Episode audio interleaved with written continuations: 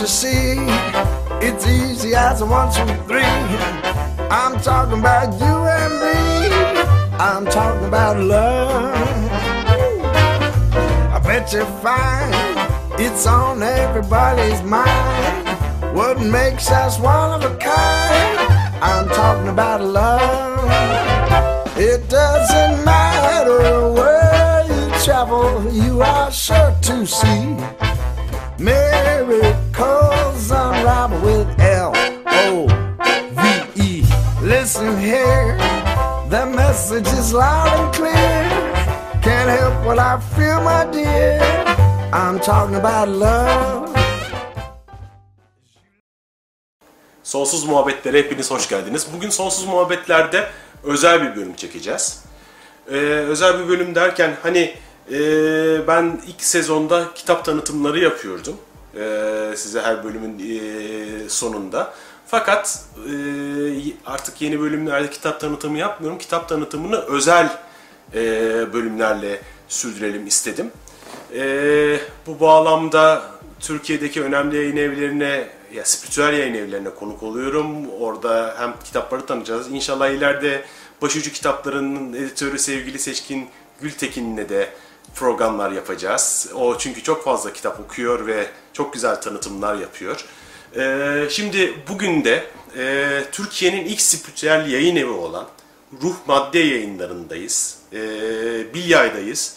Ve Ruh Madde dergisinin genel yayın yönetmeni, daha önce e, regresyon programlarıyla e, beraber beraber regresyon programları yaptığımız Pek çok program yaptık. pek çok program yaptık. Tülin Et Yemez Şimberk'le birlikteyiz. Ben İstanbul'dayken Tülin'i ziyarete geldim Bilya'ya. Ve Sonra şu arkadaki sahneyi gördüm içeriye girdim. Dedim Kitabı ki görünce... bu kadar kitabı Orada- görünce dedim ki arkadaş burada bizim program çekmemiz lazım. Çünkü eee, şu sıkıntıyı yaşıyoruz. Çok fazla kitap var ama neyin ne olduğunu bilmiyoruz. Birilerinin oturup tanıtması lazım. E kitapçılarda da her kitap yer alamıyor. Yer alamıyor. Sonuçta adamların yerleri de kısıtlı. Çok fazla kitap çıkıyor. E, senede 40 çok bin, fazla. 50 bin, 40 bin 50 bin kitap çıkıyor. Hani özellikle spiritüellerde de e, bazı kitaplar ön plana çıkıyor ama bazıları hiç bulunmuyor. Dedik ki hazır gelmişken arkadaş çekelim raftan buradan oturalım anlatmaya başlayalım. Ama önce kısaca ruh ve madde yayınları çünkü Türkiye'nin ilk spiritüel yayın evi. Evet. E, Biraz öyküsünden Biraz bahsedelim. öyküsünden bahsedelim. Öncelikle hoş geldin Hasan. Eyvallah. Seni burada görmek çok güzel. Gerçi biz ara ara İzmir, İstanbul öyle aynen, görüşüyoruz. aynen. Ee, Bilyay Vakfı daha öncesinde Metapsişik Tetkikler ve İlmi Araştırmalar Derneği'ne dayanıyor. Tabi dernek 1950'lerde kurulmuş. Ee, kurucusu da Doktor Bedri Ruhselman. Ee, biz daha önce seninle e, Doktor Bedri Ruhselman'ın çıkarmış olduğu, düzenlediği e, ilahi nizam ve kainatla ilgili özel bir program yapmıştık, kitabı tanıtmıştık. Ee, ona özgü ilgilenmek yani daha detaylı bilgilenmek isteyenler o programımızı izleyebilirler. Evet. Tabi dernek kurulmuş ve Bedri Ruh Salman özel çalışmalar yapmış. İlahi Nizam ve Kainat o zaman kasalara konulmuş. Daha sonra açılmak üzere e, uzun yıllarca saklanmış ve 2013 Nisan'da ne oldu? Tüm Türkiye ile beraber bütün dünya insanlığına açılmış oldu. E, tabii dernek bu faaliyetler sırasında e, acaba dünyada spiritüel konularda neler oluyor diye araştırırken yayıncılık işi ön ortaya çıkmış. E, ilk e, mesela e, çok fazla insan bilmez ama Ruh ve Madde dergisi 1960'tan bu yana çıkan ve hiç aksatmadan her ay çıkan e, sürekli yayınlardan e, bir tanesidir. Spiritüel dergi anlamında tek.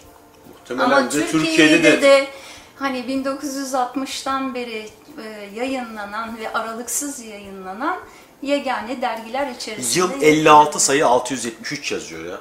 Yıl 56 yani bir derginin 56 yıl yayınlanması bizim ülkede büyük bir başarı.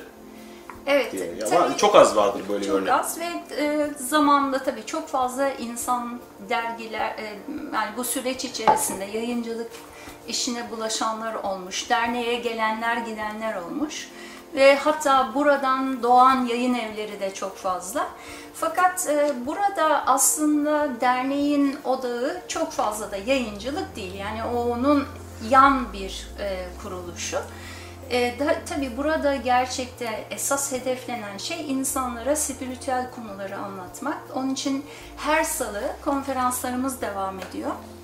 Onun yanında daha sonra vakıflaşıyor, Bilyay Vakfı oluyor. Ve vakıf Bilyay Akademi altında her cumartesi dersleri var. İşte orada cumartesileri bitirenler çarşamba çalışmaları, daha genişletilmiş çalışmalar derken e, yayıncılık ve eğitim, e, bilgiyi yayma o anlamda hepsi bir anda devam Burası zaten ediyor. bir akademi aslında. Yani Akademi spiritüel, aslında, evet. Akademi. Hani e, öğretim e, öğretim değer de öyle. Yani Evet. gayet hani kendi üniversitede gibi hissediyor insan. O nedenle de e, tabii yayıncılık kolay bir şey değil. Yani belli bir e, düzenli düzen gerektiriyor. Eleman çalışan gerektiriyor. Halbuki bizim burada işler hep gönüllülükle ilerliyor. O nedenle de işte çevirmenlerimiz var, e, editörlerimiz var. Tabii ki profesyonel destek de alıyoruz. Zamanında daha çok kitap çıkarırken şimdi biraz daha açıkçası seçici bir konuma gelmiş durumdayız. Mecburi bir yandan da hani Bir yandan mecburi çünkü bu iş ciddi paralar isteyen bir iş. bir iş ve, ve siz yarışmacı değilsiniz. yayın yani aslında sürekliliği e, sağlayabilmek için e, ayda 9-10 kitap çıkarmanız lazım ama buna tamamen dedike olmanız ve sizin işinizin bu olması lazım. Ama bizim işimiz bu değil.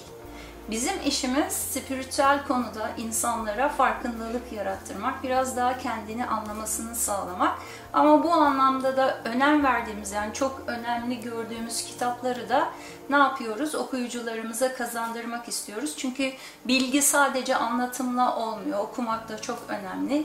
Gerçi gençlik bu anlamda farklı e, noktalara doğru gidiyor ama biz de hem böyle yaptığımız tanıtımlarla biraz daha sosyal medyayı da kullanarak ne yapıyoruz? Yani temel bilgileri ulaştırmayı hedefliyoruz. Şimdi şöyle öncelikle tekrar Ruh ve Madde dergisini gösteriyorum. Her ay çıkıyor. Her ay çıkıyor. İçinde Hatta ben de yazıyormuşum. Yazıyorum. yani kapakta ben de var. Ee, Hasan'la bizim anlaşmamız var. Tabii teyaşırlıkta der, Ee, dergide ruh maddenin yayınlarını Yayınları var. Bizim makalelerimizi Hasan Adıvaysa hatta Derki'ye e, veriyoruz. Hasan da e, çok güzel yazıyor. Kalemine sağlık. Ve E, çok ok, yani işin açığı hep bunu söylüyorum. Çok okunur halde. Yani daha önceleri çok ağırdı dil. Hatta ben bu spiritüel yolculuğa başladığımda sene 1995'ti. Bir Akaş yayınları vardı, bir sizin yayınlarınız vardı. Akaş yayınlarını okurdum, sizin yayınlarınızı alırdım o kitapları, hiçbir şey anlamazdım. Bu arada Akaşa'da kuranlar da onlar da aslında E, dernek e, zaten bu kökenliler. işi başlatan Bedrullah Selman bu yolculuğu. Herkes Evet. bir yerden doğmak zorunda. Tabii Buradan buradan böyle herkes bir geçmiş. E, tabii ki o zamanın şartları, o zamanki kişilerin seçimleri öyleymiş. E, biz de şunu şu andaki yönetim olarak şunu görüyoruz ki her dilden ve her seviyeden insanlara ulaşmamız lazım. O nedenle burası Bilyay Akademi diye geçiyor. Ve de e, bizim salı konferanslarımız zaten bilgi açısından çok zengin. E, akademi içerisinde bir başlayıp hani ruh nedir, madde nedirden nefes çalışmalarından kendini bilmeye, hayat amacına giden geniş bir yelpazeyle zaten öğreniliyor. E, dergide de biz bu uyarıları çok dikkate aldık. Hem biraz daha görselini daha profesyonelleştirmek için elimizden geleni yapıyoruz. Hem de farklı çevirilerle ve şu son dönemlerde e, bizim akademi çalışmalarına gelen arkadaşlarımızın yazdığı yazılar da fazlalaştı. Öncesinde çeviriler daha fazlayken şimdi aslında baktığında e, Türk yazarların yani bizim kendi ülkemizden yazarların da yazıları çoğaldı ve geniş yelpazede farklı konularda sıcı- sıkıcı olmadan ama bazen de bazı konunun o bilimsel en köküne kadar detaylı açıklamalarını da açıkçası paylaşmaya çalışıyoruz. Mesela bak burada küresel bilinç projesi var. Bu çok önemli bir proje. Evet. E, Global Consciousness Project. Yani dünya üzerinde şeylerin kitlesel bilinci ölçek, Ölçüyor. ölçüyorlar. Roger Ro- Roger Nelson. Nelson'ın şeyi var. 2009'da Türkiye 2. Parapsikoloji Kongresi'ne geldi ve kendisini burada Bilyay Vakfı olarak ağırladık. Ee, ve yani dünyada olan pek çok şey var. Biz bakma yani sadece televizyonda haberlerde duyduğumuz haberlerden ve negatif haberlerden değil dünyada olanlar. Ve şu anda özellikle bilinç üzerine, farkındalık üzerine, re- rezonans üzerine ve e, işte fizik olsun, e, genetik olsun, nöroloji olsun, beynin çok farklı yönleri ne yapıyor keşfediliyor. E, bence bu yüzyılın bilimi e, bu üç bilim yani fizik, e, genetik ve nöroloji bu alanda olan şeyler, araştırmalar bize çok farklı kapılar açtı. Geçen de hatta internetten yabancı bir uzmanı e, izliyorum E, ve şey diyor, e, spiritüellik diyor, e, keşfedilmemiş fiziktir diyor. Ve şu anda duygularımızın bile bir madde olduğundan yola çıkarsak, yani kendimizle ilgili, bilimin de spiritüellikle ilgili keşfedeceği ne var? Çok fazla şey var. Bence o yolda da zaten ilerliyoruz. Ya bugüne kadar bize saçma denen şeyler, bundan 20 sene önce ama yani nelerle uğraşıyorsunuz denen şeyler şu anda fiziksel, şey bilimsel olarak artık kanıtlanmaya Tabii başladı. telepatiyi kanıtlıyorlar. Elektronlar arasındaki telepatiyi görüyorlar. Yani Ya en son bir tane kitap çıkmıştı işte bir e, nöro nörofizik şey nörobilimcinin kitabı. Hani mutlu olmanın dört yolu diye sinir bilimcilere göre. E, bir numaraya bakıyorsun şükretmek. Hani binlerce yıldır zaten dinlerde olan şey ama o adam oturmuş bunların beyin kimyasından şeylerini anlatıyor. Diyor ki şükrettikçe diyor sende bir beynin ki- kimyası değişiyor, başka bir kimyasal salgılamaya başlıyor. Hatta en mükemmeli bulmana bile gerek yok. %60, %70 güzel anılarına odaklandığın zaman beynin kimyası değişiyor. Beynin senin alıcı olduğu için bu kimyasalları salgıladıktan sonra sen hayatına güzel şeyleri çekmeye başlıyorsun. Ama diyor ki öncelikle şükret. Şükretmek ne demek? O güzel anlar için tekrar tekrar sahip teşekkür et. olduklarının farkında oluyor yani aslında bir nevi. Şu anda hayatınız boktan gidiyorsa yapacağınız şey gerçekten o eski zamanlardaki size çok güzel mutluluk vermiş anıları e, birer birer hatırlamak ve onlar için teşekkür etmek. Çünkü bu şekilde sürekli olarak yenilerini çekmeye başlayacaksınız. Bunu da bilim ispatlamış. Karşıma geçip saçmalıyorsun, spiritüel bilgi diyemezsin. Elimde kanıt var mı? Var. Hatta ben de çok yeni bir araştırmayı, Amerika'da bir enstitünün yaptığı araştırmayı okudum. Orada da şöyle diyor, biz anlık olarak diyelim ki sen gittin alışveriş merkezinden bir tişört aldın. Onun sana verdiği mutluluk kısa dönemlik bir mutluluk ve hücrelerimizdeki stres gen- e, genlerinin aktif olmasını sağlıyormuş ve uzun dönemde bu sürekli strese girdiğimiz için bizi e, derinden etkiliyor ve sağlığımızı bozuyor. Halbuki mesela biz bir e, dediğin gibi şükrettiğimizde ya da birine yardım ettiğinde, manevi bir şey yaptığında onun hücrelere olan etkisi uzun dönemde genetik açıdan çok daha pozitif yöndeymiş. Ve şimdi bunları araştırıyorlar ve ortaya koyuyorlar. Hani hep pozitif düşün, pozitif düşün diyorduk ama bence buradaki şey sadece öyle olmalı diye değil de anla, fark ederek, anlayarak ve harekete geçerek. Biliyorsun hani duygularda da hareketsel dönüşüm lazım. biz seninle bunları konuşsak Valla bizi bu gene bizi bir bölüm daha yaparız. yani. Kitapları unuttuk. Kitapları unuttuk bir başladık mı devam ediyoruz. Şimdi Ayrı bir program yaparız bununla ilgili. Şimdi arkadaşlar, şimdi burada ilahi nizam ve kainatı görüyorsunuz bu kadar. Bakın şöyle bir şey. Şimdi ilahi nizam ve kainatı anlamak için ansiklopediye bakın bu kadar. bu çok bomba bir şey bakın. Kitap bu kadar anlamak için e, terimler sözlüğü bu kadar. Tabii tör- terimler sözlüğünün bu kadar kalın olmasının sebebi şu. Bir terim mesela atıyorum dualite. Ee, Alparslan Salt ve Cem Çobanlı yaptıkları araştırmada kitabı incik cincik detayına kadar incelediler, gözden geçirdiler ve hiçbir şeyini değiştirmeden, hiçbir şeyine dokunmadan dualitenin geçtiği bütün yerlerden kısımları aldılar. Yani sen buradan dualiteyi açtığında ilahi nizam ve kainatta nerede geçiyorsa hepsini toplu olarak bulabilme şansın var.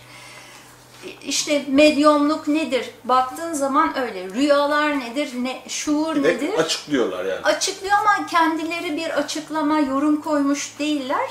Aynen kitaptaki haliyle daha bir bütünsel hale getirmiş. Bir fihrist, kitabı fihristleştirmiş durumdalar. Yani Tabii o Alparslan Salt çok- ve Cem Çobanlı dediğimizde şunu da göstermemiz gerekiyor arkadaşlar. Bu benim çok çok da kaynaklarımdan bakın gittikçe büyüyor. Meta ansiklopedi. Bu e, hani aklınıza gelebilecek her türlü spiritüel kavramın, kavramın içinde yer aldığı referanslarıyla bir beraber. ansiklopedi ve e, ben zamanında yazılar yazarken bazı konularda araştırma yaparken buradan çok çok faydalandım. Ne ararsam var burada. Alparslan Saltın ve Cem Çobanlı'nın araştırmacı yönleri çok kuvvetli ve de çok hızlı çalışıyorlar. Gerçekten e, hayran verici bir şeydi. Çok e, odaklanarak gidiyorlar. E, hatta e, Semboller Ansiklopedisi de var. Şimdi burada göremedim ama Semboller Ansiklopedisini de e, Sizden mi çıktı o Bizden tane? çıktı. Ee, onu da güncelleyecekler. Aynı zamanda ilahi nizam ve kainat e, terimleri sözlüğü de e, gene bu sene içerisinde daha genişletilerek kavramlar e, yeniden yenilenecek. E çünkü bizim de anlayışımız, farkındalığımız çalıştıkça ve olaylarla ilahi nizam ve kainatı ilk çıktığından daha iyi anlar olduk. Genelde insanlar ilk 20 sayfada bırakıyorlardı, anlamıyoruz diyorlardı. E şimdi bizim buradaki konferanslarımız da ona göre, ona dayanarak zaten kavramları açıklama yönünde.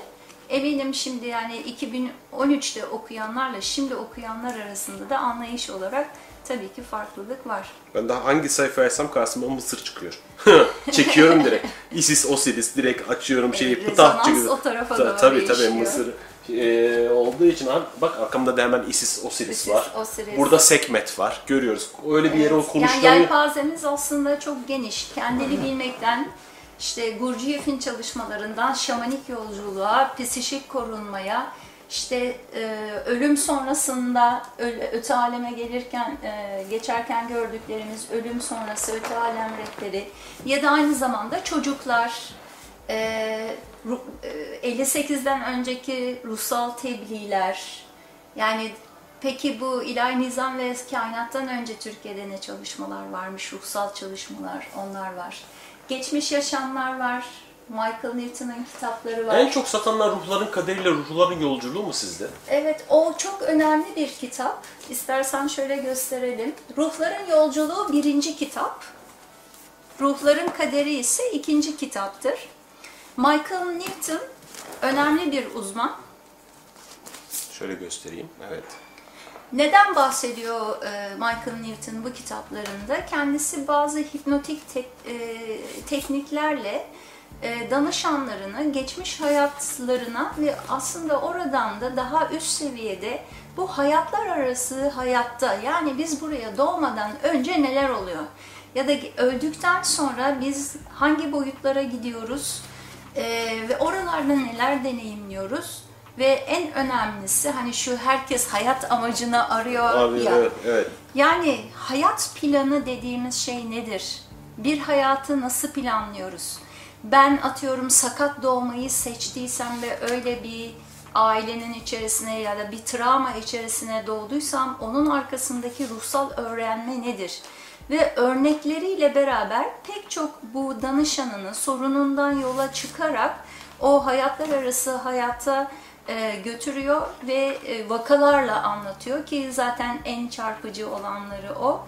Ve o zaman ne oluyor? Ha, demek ki benim bu anneyi, bu babayı, bu hayatı, doğduğum yeri, doğduğum ülkeyi, işte getirdiğim bazı karmik enerji dön- e, ilişki döngülerini, e, yaşadığım şeylerin arkasında bir sebep var. Ve bunu görmek açısından e, çok önemli ya da mesela ruh grupları dediğimiz şeyler. Neden hep mesela bir bakıyorsun ki bazı varlıklarla işte anne baba ya da bazı kişilerle ortak sürekli e, farklı hayatlarda hep benzer rollerde bir aradasın. Annen bakıyorsun ki geçmiş hayatındaki kardeşin, onun öncesinde bir bakıyorsun ki işte aynı beraber e, savaşmışsınız. E, peki o zaman ne var? Bu nedir? Hani ruh e, grubu nedir? E, o anlamda çok güzel Şuradan örnekleriyle rastgele beraber. açtım. Rastgele açtım yine karşıma ruh eşleri bölümü çıktı. Oradan okumak istiyorum. Hani şöyle hızlıca. Daha önce okumadım ben bu kitabı. Hmm, aşkın içinde birçok sınav vardır. Bir ruh eşiyle uzun ve mutlu bir hayatımızın olduğu yaşamlara bu ilişkiyi yok ettiğimiz ya da ruh eşimizin bize karşı yaptığı bir davranış yüzünden mahvettiğimiz yaşamlar da karışır. Ruh eşleriyle geçen zor yaşamlarda sevginin kabul edilmesinin önünde bir şey durmuştur. Ruh eşleriyle olmak sevinç ve acı getirebilir. Ama her ikisinden de bir şeyler öğreniriz. Yaşamlarımızdaki ilişkilere ait ciddi olayların ardında genellikle karmik nedenler yatar. 200 yıl önce Çin'de güzel bir kadın olarak yaşamış Valeri adında bir danışmanım, danışanım olmuştu. O yaşamda Valeri en çok umursadığı istediği adam olan birinci ruh eşini reddetmişti. Çünkü adam onunla tartışmış ve başkalarının yaptığı gibi onun kibrini beslemeyi reddetmişti. Üstelik diyordu Valeri transtayken öylesine çirkin ve kaba görünüyordu ki başkaları ne düşünür endişesiyle onunla birlikte görünmek fikri bile beni utandırıyordu. Gurur, nispet ve duygularım yüzünden kaprislerimi besleyen yakışıklı bir adamla evlendim. Belki de sahip olabileceğim mutluluğu kaybettim. Ha bak yakışıklı adamı, kaba adamı bırakıyor halbuki besleyecek olan o. Olan Valeri. Sonraki yaşamda Valeri 19. yüzyılda Amerika'da bir anlaşmanın parçası olarak kabile şef, kabilenin şefinin oğluyla evlenmesini emreden bir Cherokee yerli şefinin kızı olmuştu. Babasının isteklerine boyun eğdikten sonra bu adam onu fiziksel olarak reddetmiş ve hayatını berbat hale getirmişti. Kendi kabilesindeki sevdiği savaşçı onun Çin'deki yaşamda reddedilen ruh eşiydi. Bir yerli kadın olarak öldükten sonra ruh dünyasına dönüşüne üzerine Valeri bana şunları anlattı. Sevdiğim adamla birlikte kaçabilirdik. Bu hareketin getireceği büyük tehlike bir yana, içinde bir şeye babamın başlattığı şeye dayanmak zorunda olduğumu söylüyordu. Şimdi bunun bir sınav olduğunu anlıyorum. Hem bizi seven bir insanı hem de kendimizi ciddi şekilde incitebilme kapasitesine sahibiz. Bir Cherokee kadını olarak yaşamım, bir Çinli kadın olarak sahip olduğum ve gurur kibrin hatırlatıcısıydı. Şu, şu cümle çok önemli. Yaşamınızda belli bir süre yanlış insanlı olmak, bu zamanın boşa harcandığı anlamına gelmez. Bu ilişki büyük öncesi, olasılıkla önceden düşünülmüş bir ilişkidir diye Evet, yani devam ne var? ediyor. Bunun arkasında çok büyük anlaşmalar var, ruhsal kontratlar var. Yani sistem bizim düşündüğümüzden çok daha derin ve çok daha boyutlu ve en önemlisi varlıkların ihtiyaçlarıyla hazırlanan planlar birbiriyle çelişmiyor. Ama bu tabii Göremiyoruz biz bunu. hani o ilahi düzen onun arkasındaki O büyük resmi görmüyoruz. ve- Bu şerefsize beslenimi geçirdim. Allah belasını versin falan diye versin saydırıyoruz diyoruz. ama Bu benim başıma niye geldi diyoruz. Ben niye bu erkekleri ya da niye bu kadınları çekiyorum diyoruz. E Aslında bir bakıyorsun ki bunların hepsi varlık için bir öğrenme. Varlık için iyi, kötü, güzel, çirkin diye bir şey yok ki. Sadece deneyim var. Ve işte Valeri örneğinden de gördük. Rastgele açtık. Bunun kitabın içinde böyle çok şeyler var. Evet, çok güzel, da güzel örneklerle anlaşılır. Beraber güzel anlatıyor. O anlamda bu kitaplar gayet e, Ruhların kaderi. kaderi ve ruhların yolculuğu. Ro- Roger Hulger'ın kitapları var mı burada? Ha, başka yaşamlar, başka benlikler var değil mi? Evet, Roger Wolger'ın birkaç Sizin kitabı var. Roger Wolger bizim regresyon, deep memory process, derin anı süreci diye adlandırdığımız e, sistemin kurucusu. Kendisi İngiliz kökenli. Tabii Roger'ın çok e, geniş bir dağarcığı ve bir bilgi anlayışı vardı. Shakespeare'den başlamış, daha sonra şamanları, Budizmi araştırmış ve kendisi bir sistem kurmuş. Roger'ın diğer kitaplarından bir tanesi İçimizdeki Tanrıçadır. Ve Bunun mesela kapağı da çok güzel yani. bu içimizdeki kadınların ve kadınları anlamak isteyen erkeklerin okuması gereken kitaplardan bir tanesi. Ee, işte içimizdeki savaşçı Athena'dan e, diğer taraftan Afrodite, e, işte Artemis'e doğayla bağlantıda olan Artemis'e kadar bütün bu tanrıça döngüleri tabi birer arketip. Yani arketip de ne demek? Bütün insanlığa mal olmuş, herkese görünen davranış biçimleri anlamına geliyor. Ve hepimizin içerisinde belli olan alanlarda bu var. Benim içimdeki Demeter ortaya çıktığı zaman, o anne, anaç taraf ortaya çıktığı zaman ne yapıyorum? Çok güzel yemekler hazırlıyorum. Herkese Hemen şuradan şey okuyayım mı? Başlıca tanrıça tipleri demiş böyle en Evet, başında. Güzel. Ee, başlıca tanrıça tipleri 6 tane tip vermiş. Athena kadını. Bilgelik ve uygarlık tanrıçası tarafından yönetilir. Başarı, kariyer, eğitim, entelektüel kültür, sosyal adalet ve siyasetle ilgilidir bu kadın modeli. Artemis kadını yabanın, yabanıl doğa tanrıçası tarafından yönetilir.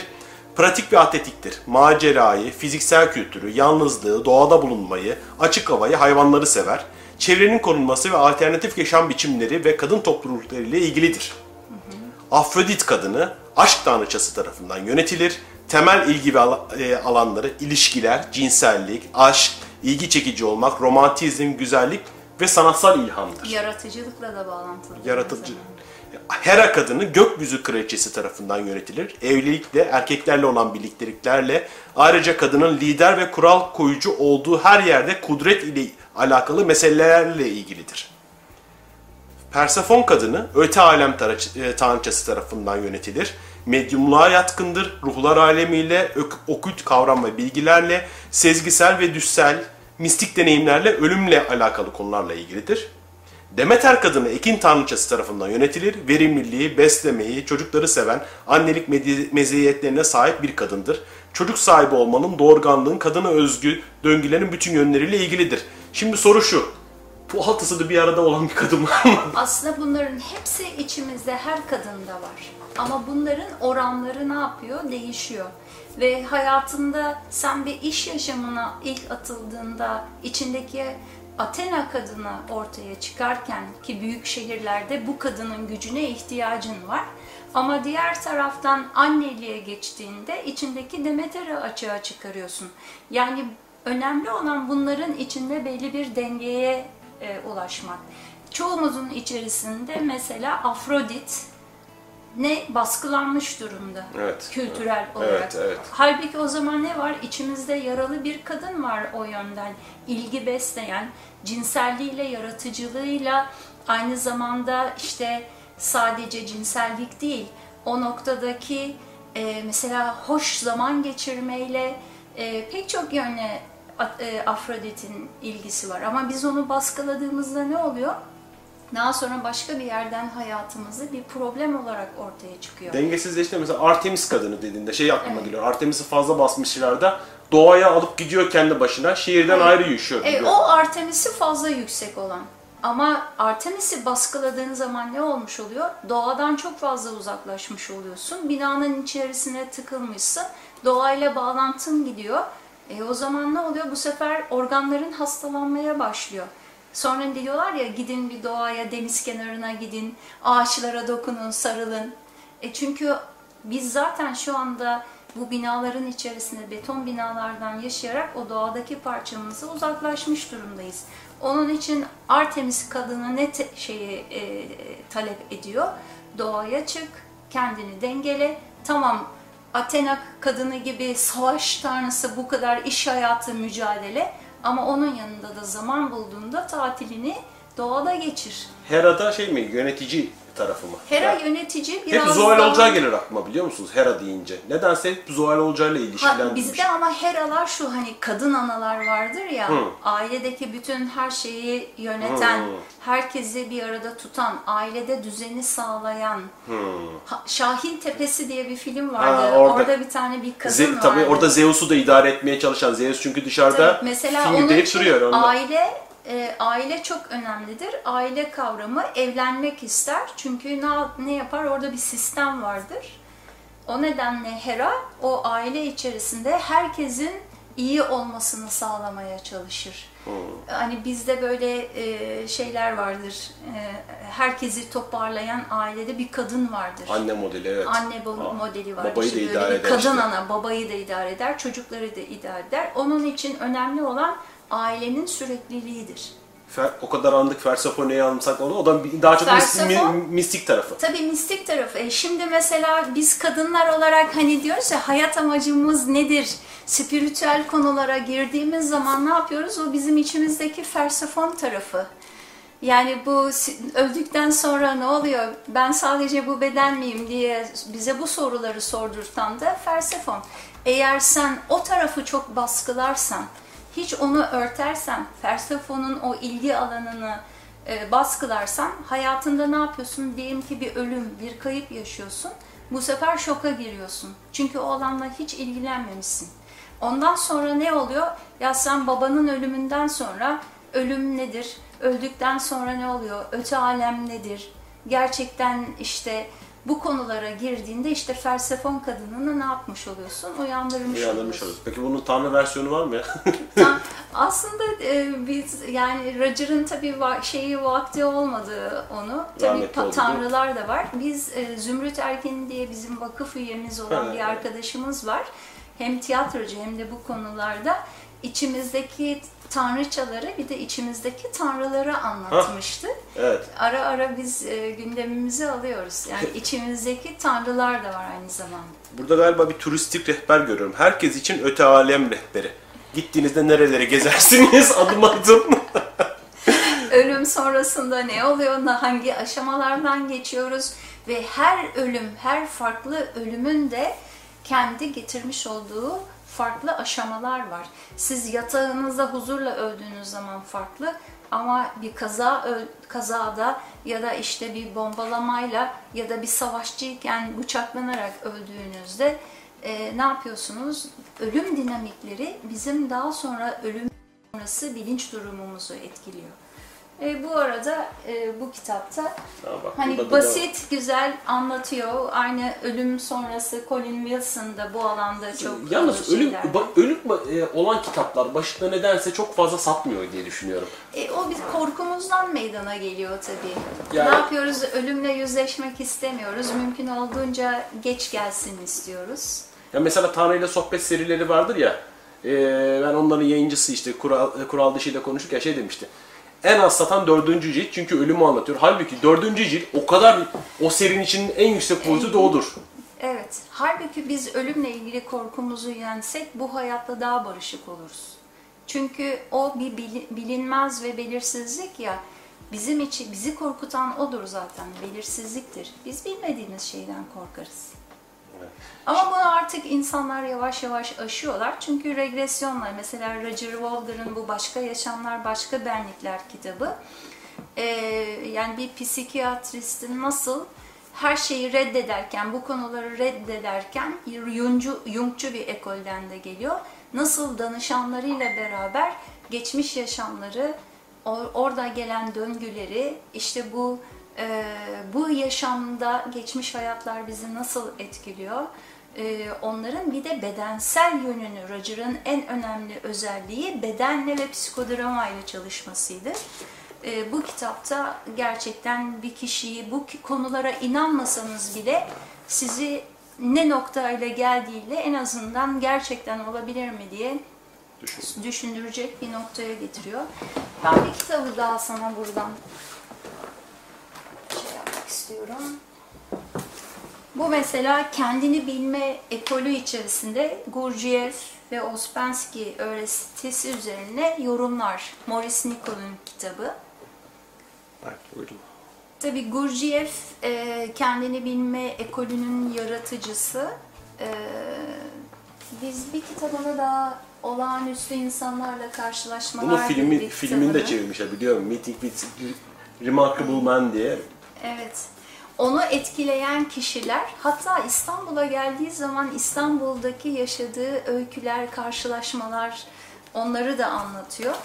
Ee, hani bizim içimizdeki benlikleri, kendimizi, hangi merkezler bizi etkiliyor, e, biz neyiz, neden meydana geliyoruz, duygusal diyelim ki duygu merkezinin negatif yönleri ve pozitif yönleri yani içimizdeki benler yanlış işlediğinde ne oluyor ve aynı zamanda bunları peki düzeltebilmek için ne yapabiliriz? Bu da o alandaki ekol kitaplardan bir tanesi. Evet. Şimdi bir ara verelim. Biz yine buradan kitaplar seçelim. Birazdan tekrar devam ederiz. Evet. Sonsuz Tekrar muhabbetler devam görüşmek edecek.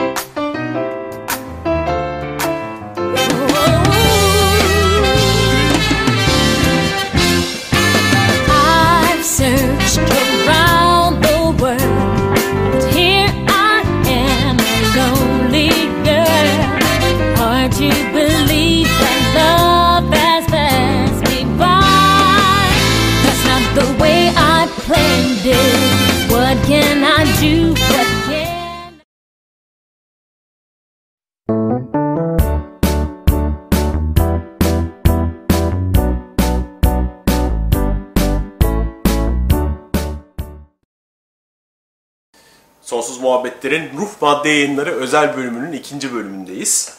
Şimdi önümde bayağı güzel güzel kitaplar bir sürü var. Böyle yavaş yavaş hep beraber ee, bakalım. Öncelikle Zekeriya Sitchin'in kitaplarını bir anmamız iyi Evet, olur. Zekeriya Seçin'i zannediyorum herkes 12. gezegenden biliyor. Onun baskısı bitmişti fakat şu anda anlaşmalarını tekrar yaptık. Ee, yakın bir zamanda 12. gezegen Seçin'in 12. gezegen kitabı da geliyor. Bu elindekiler Dünya Tarihçesi ve Kozmik Tohum. 12 Diğer- tane kitabı var galiba. Ee, 10 tane kitabı var. Biz 9'unu basmıştık. Ee, 9'u Türkçeleştirildi. Ve onlar da e, bu alanda özellikle Sümer uygarlığı üzerine araştırmalar yapmış. Zekeriya için Sümer uygarlığı ve oradaki e, bilgileri e, 25 sene incelemiş ve onları kitaplaştırmış. Gerçekten çok e, geniş bir açık şey e, kitap. Bir yerde çok güzel kekik kokusu geliyor. Senin de bunda geliyor mu? Evet. Ha, ben mi gittim kokumu hani hani ruh, e, ruh ve madde yayınlarında olunca olan burnumuza kokular mı gelmeye başladı? Çok güzel kekik kokuyor arkadaşlar burası. Şimdi az önce bu kitabı anlattın. Çok da anlatışın hoşuna gitti. Masumiyete dönüş çok bilinmeyen bir kitap dedin. Evet, Masumiye dön- e, dönüşün hikayesi şöyle. E, Bir kadın e, babasız bir çocuk büyütüyor. Yani yalnız bir anne olarak çocuğunu büyütüyor. Oğlu var. Ve oğlu 15 yaşına ergenliğe geldiğinde bir takım şeyleri eksik bıraktığını hissediyor. Bunun üzerine bir psikolog arkadaşından yardım istiyor. Sen diyor oğlumla bağlantıya geçer misin? Bunun üzerine e, psikolog ve e, çocuk aralarında mektuplaşmaya başlıyor. Ve bu o mektuplardan oluşuyor.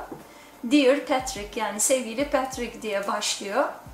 Ama onun ar- arkasında işte bizim bedenimiz nedir, ruhumuz nedir, zihnimizi neden eğitmemiz gerekir? Hormonlarımızın dengesi niye bozulur ama zihni eğiterek biz nasıl kendi bedenimize, duygularımıza, korkularımıza hakim olabiliriz? Bunun arkasındaki hani spiritüel yönler nedir? Derken hani hem gençlerin hem de anne ve babaların okuması gereken bir kitap. Aynı zamanda da biz nasıl gerçekten kendi ruhsal varlığıyla bağlantıda çocuklar yetiştirebiliriz. Aynı zamanda onunla ilgili de pek çok noktayı okuyucular içlerinde bulacaklar. Evet burada gayet de sade bir şekilde Petri'nin kız arkadaşıyla problemi var mesela bölümde. Kız arkadaşına kızmış, saydırmış, o da başlıyoruz.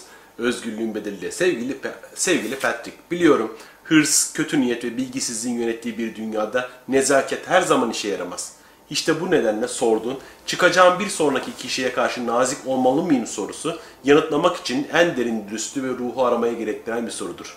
Gerçekten de hepimizin yüzleştiği en büyük mücadelelerden biri olan bir eş bulma mücadelesiyle nasıl başa çıkacağımıza karar vermeye çalışırken ortaya çıkan en etkili sorulardan biridir bu. Sana şunu garanti ederim. Eski kız arkadaşının bakış açısından bakıp da onun derin umutları, korkuları ve inançlarına dayanarak niçin öyle hareket ettiğini öğrenebilecek olsaydın onun bakış açısından bunların iyi nedenler yani onun hayat deneyimi bağlamında güçlü nedenler olduklarını kabul etmek zorunda kalırdın diye böyle Devam ediyor. Ve Devam ediyor. Ben bu kitabı okuduğumda şu şekilde çok etkilenmiştim. Ee, ve o diyor ki e, sen yeni nesil ve gelecek olarak ben senden çok umutluyum diyor. Ve her nesil aslında bizim içimizde çok büyük bir umut yaratıyor.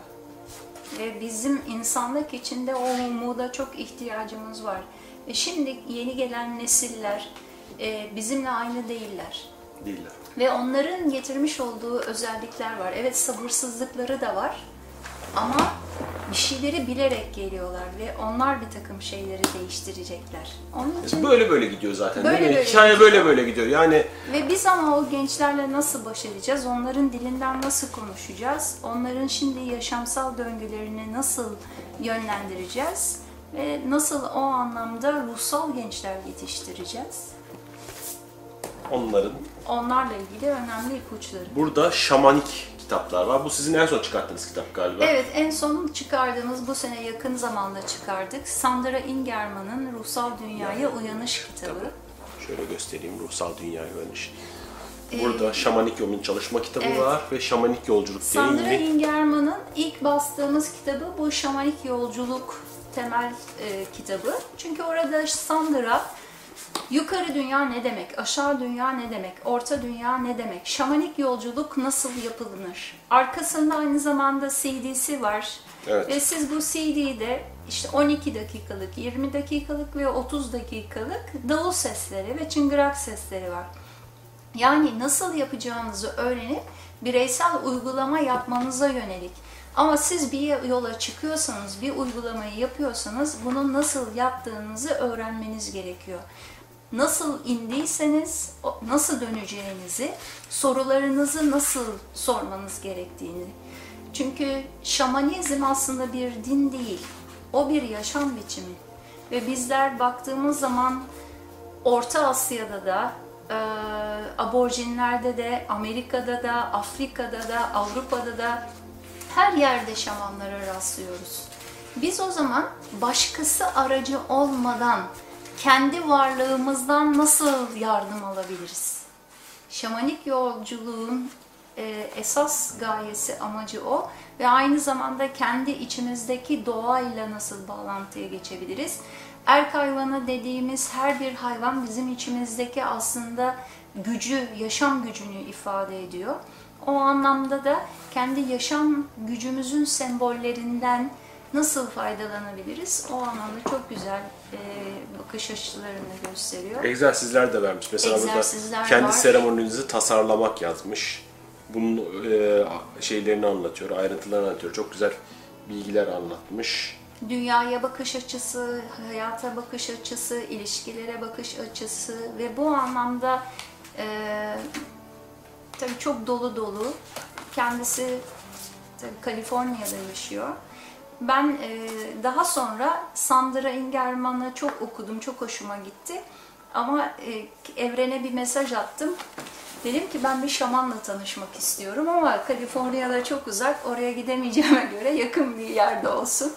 Ve bir İngiltere seyahatimde hiç bilmemesine, benim böyle bir niyetimi bilmeyen bir arkadaşım bana seni bir şamanla tanıştıracağım dedi. Oh. Ondan sonra e, ve ben sevgili Leo ile tanıştım. O da Leo Rutherford. E, Leo'nun kitabı da Şamanik Yolun Çalışma kitabı. Yani Sandra Ingerman'ın kitabıyla nasıl şamanik yolculuk yapacağınızı öğrenip daha sonra daha farklı ne tür egzersizler yapabilirim diye de Leo'nun kitabından faydalanabilirsiniz. Leo aynı zamanda sık sık Türkiye'ye gelerek e, pratik çalışmalar da yapıyor. E, Bunlarla ilgili de arkadaşlar, ilgilenenler bizimle bağlantıya geçebilirler. Eyvallah. Bu da Kaya Nightingale'in Işığa Giden Dönüşüm Yolculuğu. Hani ben diyorlar ya, ya ben nereden başlayabilirim? Bu konularda da çok acemiyim. Böyle kolay, basit bir kitap var mı ya? E, Karşılaşacağım şeylerle ilgili rüyalarım böyle oldu. Şu konu ne demek?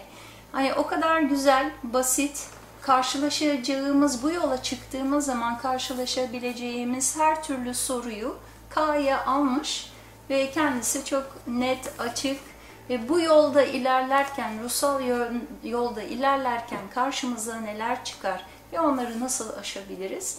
Gerçekten çok keyifli bir kitap. Oy, kaçının demiş baharatlı gıdalar, kızarmış yiyecekler, şeker ve sıcak içecekler, kahve. Lan en sevdiğim şeyler ha. yani, E biliyorsun şamanik yolculuklara çıkıldığında Evet. mesela belli bir süre şekerden arınmak e zaten şeker değil de hani kahve, kahve çok çok sevdiğim bir şey. Yani İşte o da her şeyde denge. Önemli olan o dengeyi yaratmak.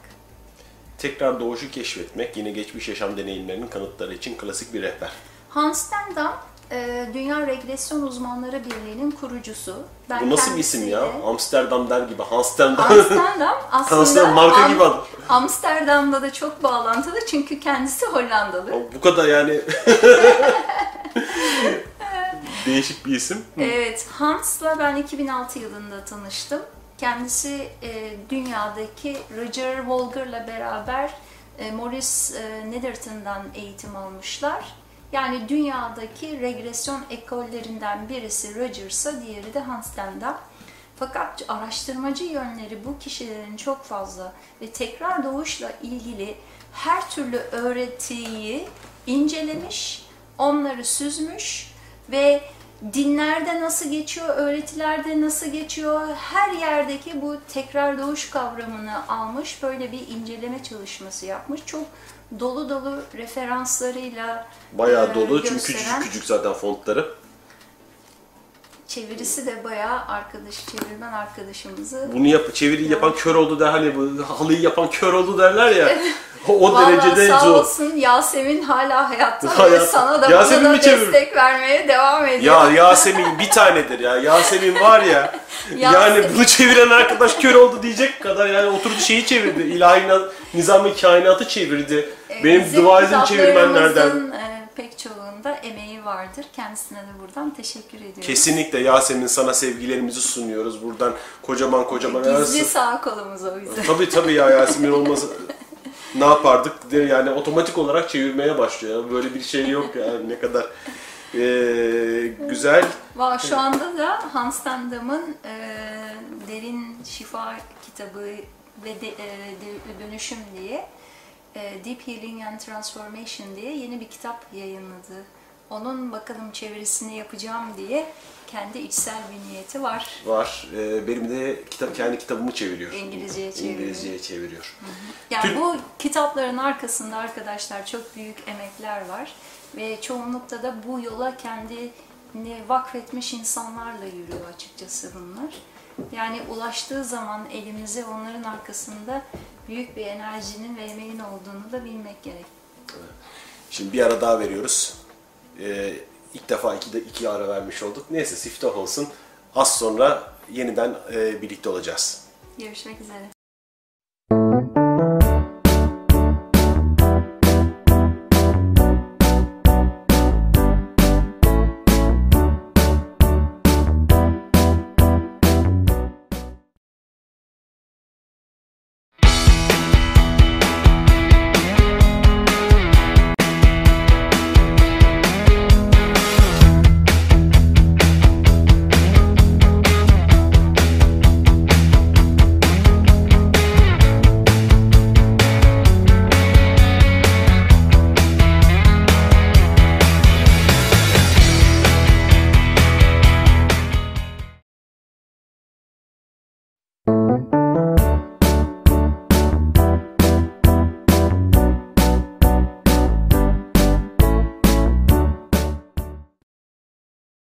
Sonsuz Muhabbetlerin Ruh Madde yayınları özel bölümüne hoş geldiniz. Araya gittik geldik bakın e, iki kişiydik üç kişi Üç olduk. olduk, çoğaldık.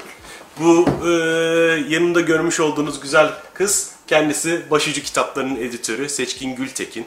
E, sağ olsun kendisi kırmadı. Arkada kamera arkasındaydı. Fakat e, ben onunla zaten sürekli program yapmak istiyordum ama biraz da ısındırmak için resmen şu anda havuza itmiş vaziyetteyim.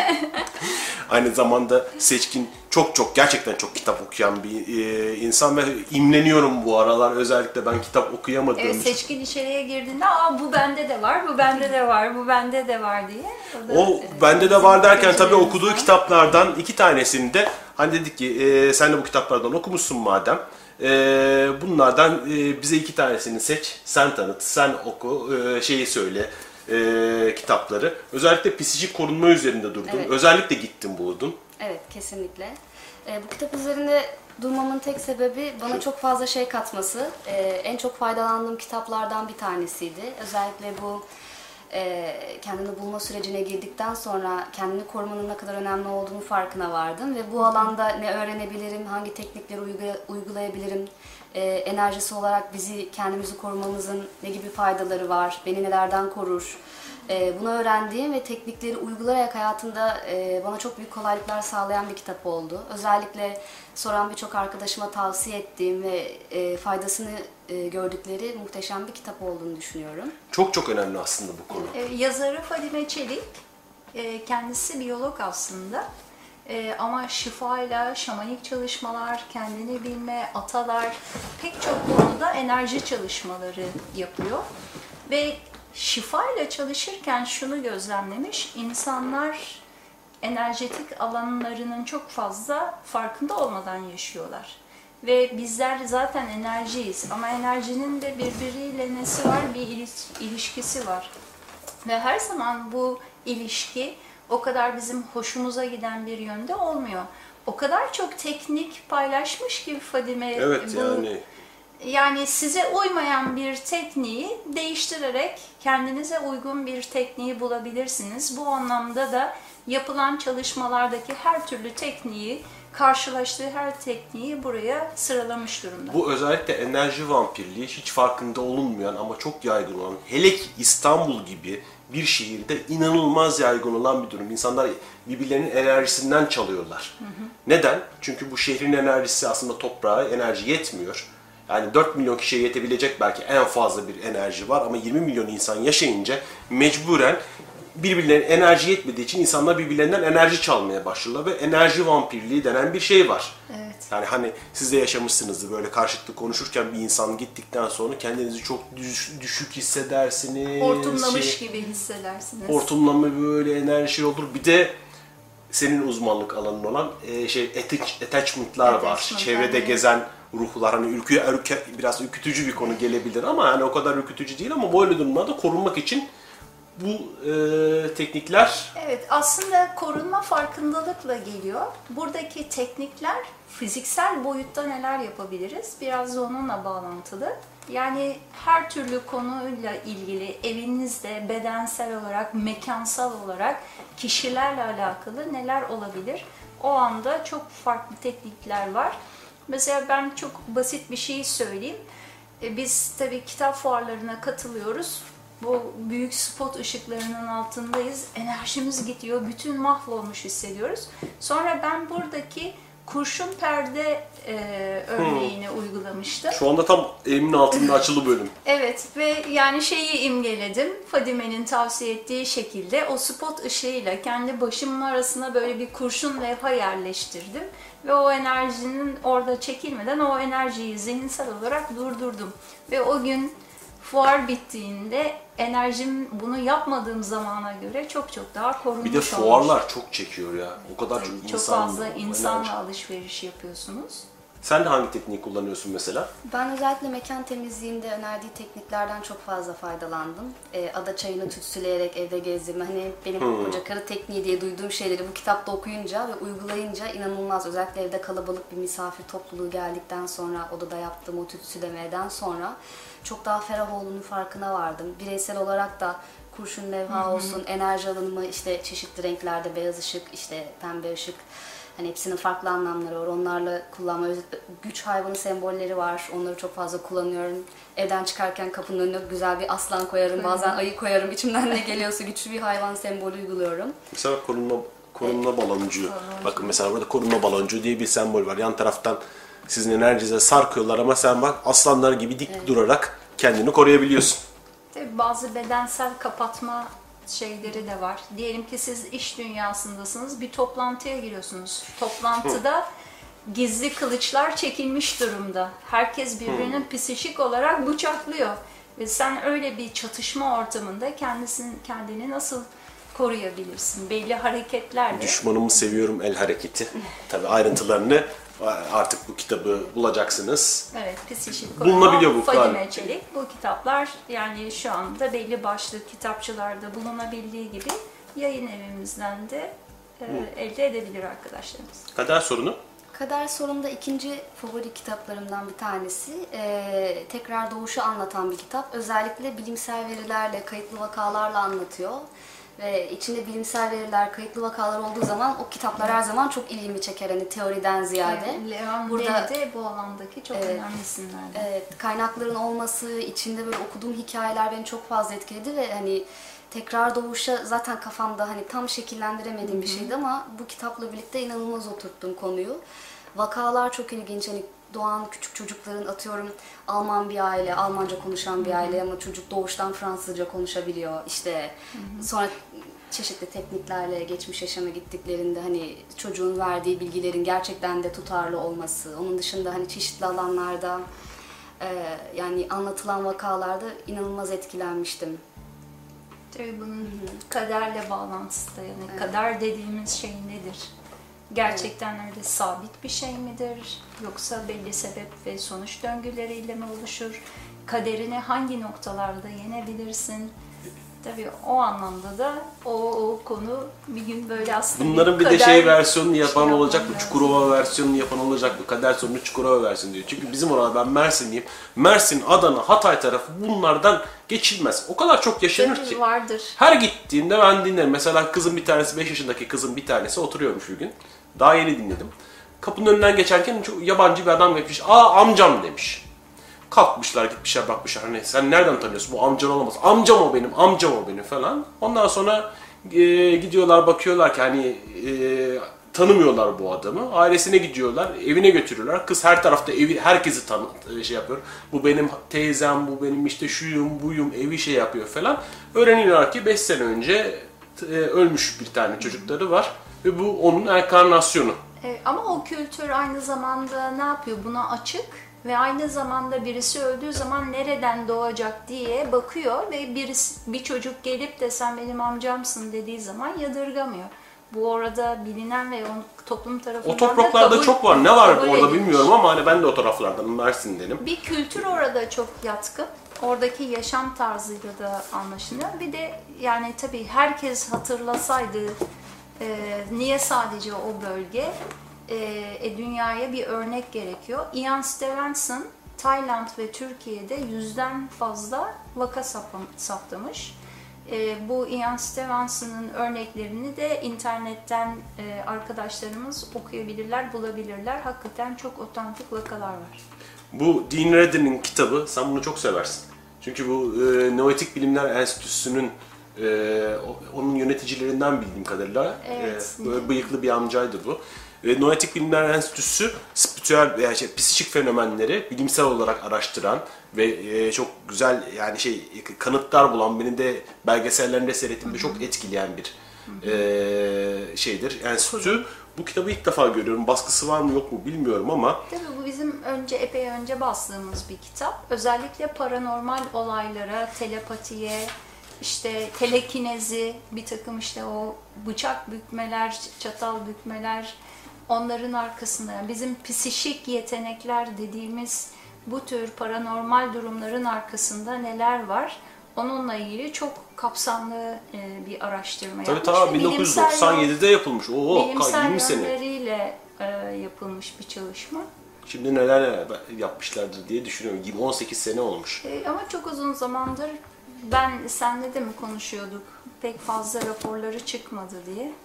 Yani çok önemli bir enstitü. Çok Evet. önemli bir enstitü. İnşallah. Bunları okudun mu Seçkin? Dinlemenin zeni. Kitaplığımda var. Ee, okumak için sırada bekliyorlar. Sırada bak ben de okumadım. Ben zaten açıkçası o kadar fazla kitap okumuyorum.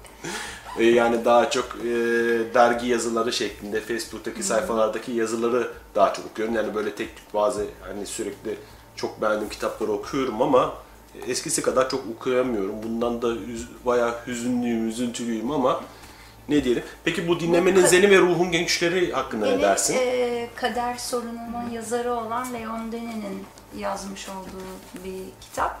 Yani ruhun güçlerinde de yaşadığımız bu ıstıraplar, düş kırıklıkları, geçmiş yaşamlardan gelen bu döngüler ruhu ne yönde etkiliyor ve bunların içerisinden ruh geçerek ne, ne yöne doğru gidiyor o anlamda güzel bir kitap.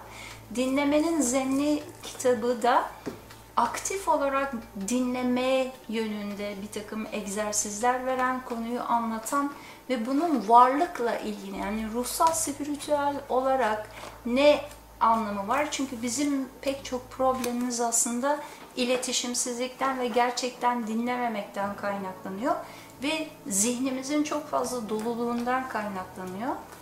Zen derken de zaten biliyorsunuz zenin içinde müthiş bir uyum ve düzen var, sadelik var. Bu anlamda zihni nasıl sadeleştirebiliriz? Ve gerçekten aktif dinlemeyi nasıl yaratabiliriz? Böylece problemleri nasıl dönüştürebiliriz? O anlamda da e, Rebecca Safir'in güzel bir kitabı. Son aklıma gelen bir kitap ama burada göremiyorum. Mavi bir kitap vardı. Hani yine öte dünyadaki ruhların şeylerini, görevlerini, şunları bunları anlatan. Ee, sizin de yine en çok satanlarınızdan bir tanesi ama şu anda göremiyorum ben burada. Burada bir sürü bir sürü çok güzel kitap var ama adını hatırlayamadım ya. O kadar da güzel bir kitaptır ki herkes de bana onu şey yapar. İşte ee, mesela ee, özürlü çocuklar geçmiş hayatlarında arada Aa, ne? Cesur Ruhlar. Heh, cesur ruhlar. Cesur Ruhlar çok güzel bir kitap hakikaten ama onun baskısı bitti. Yeniden basmadık. Bilmiyorum ileride basar mıyız ama hakikaten örneklerle çok güzel anlatır. Çünkü oradaki örnekler de çok travmatiktir. Yani mesela e, dilsizdir, sağırdır ve dilsiz ve sağır olan bir kişinin geçmiş hayatlarına getirip onun neden bu hayatta öyle olduğuyla ilgili bir takım çalışmalar yapmışlar ve muazzam bağlantılar ve cesur ruhlar demesi de varlığın seçimlerinin çeşitliliğini gösteriyor. Ve hani dedik ya varlık için iyi kötü güzel çirkin acı tatlı diye bir şey yok. Varlığın gelişiminde yani biz tekamül diyoruz ona. Gelişiminde sadece deneyim var. Ve varlık sadece ne yapıyor? O deneyimden o bilgiyi özümsüyor, özüne aktarıyor. Ve bu yaşamlar silsilesi boyunca da e, şu anki insanlık yani birdenbire bu noktaya gelmedi. O ilahi nizam ve kainatın 500 ila 700 hayat dediği o silsileler içerisinden buraya geldik. Ama bunların içerisinde iyi olduğumuz hayatlar da var.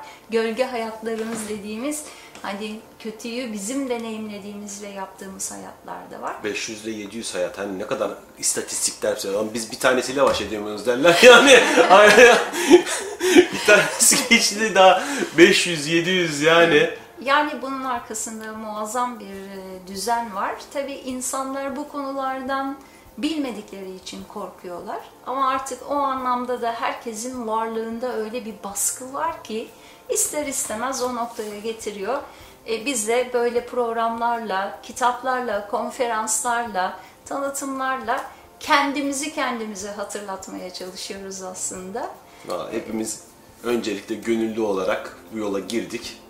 Yani bu işin medya kısmında hele ki ruh madde hepimizin yolunu açtı.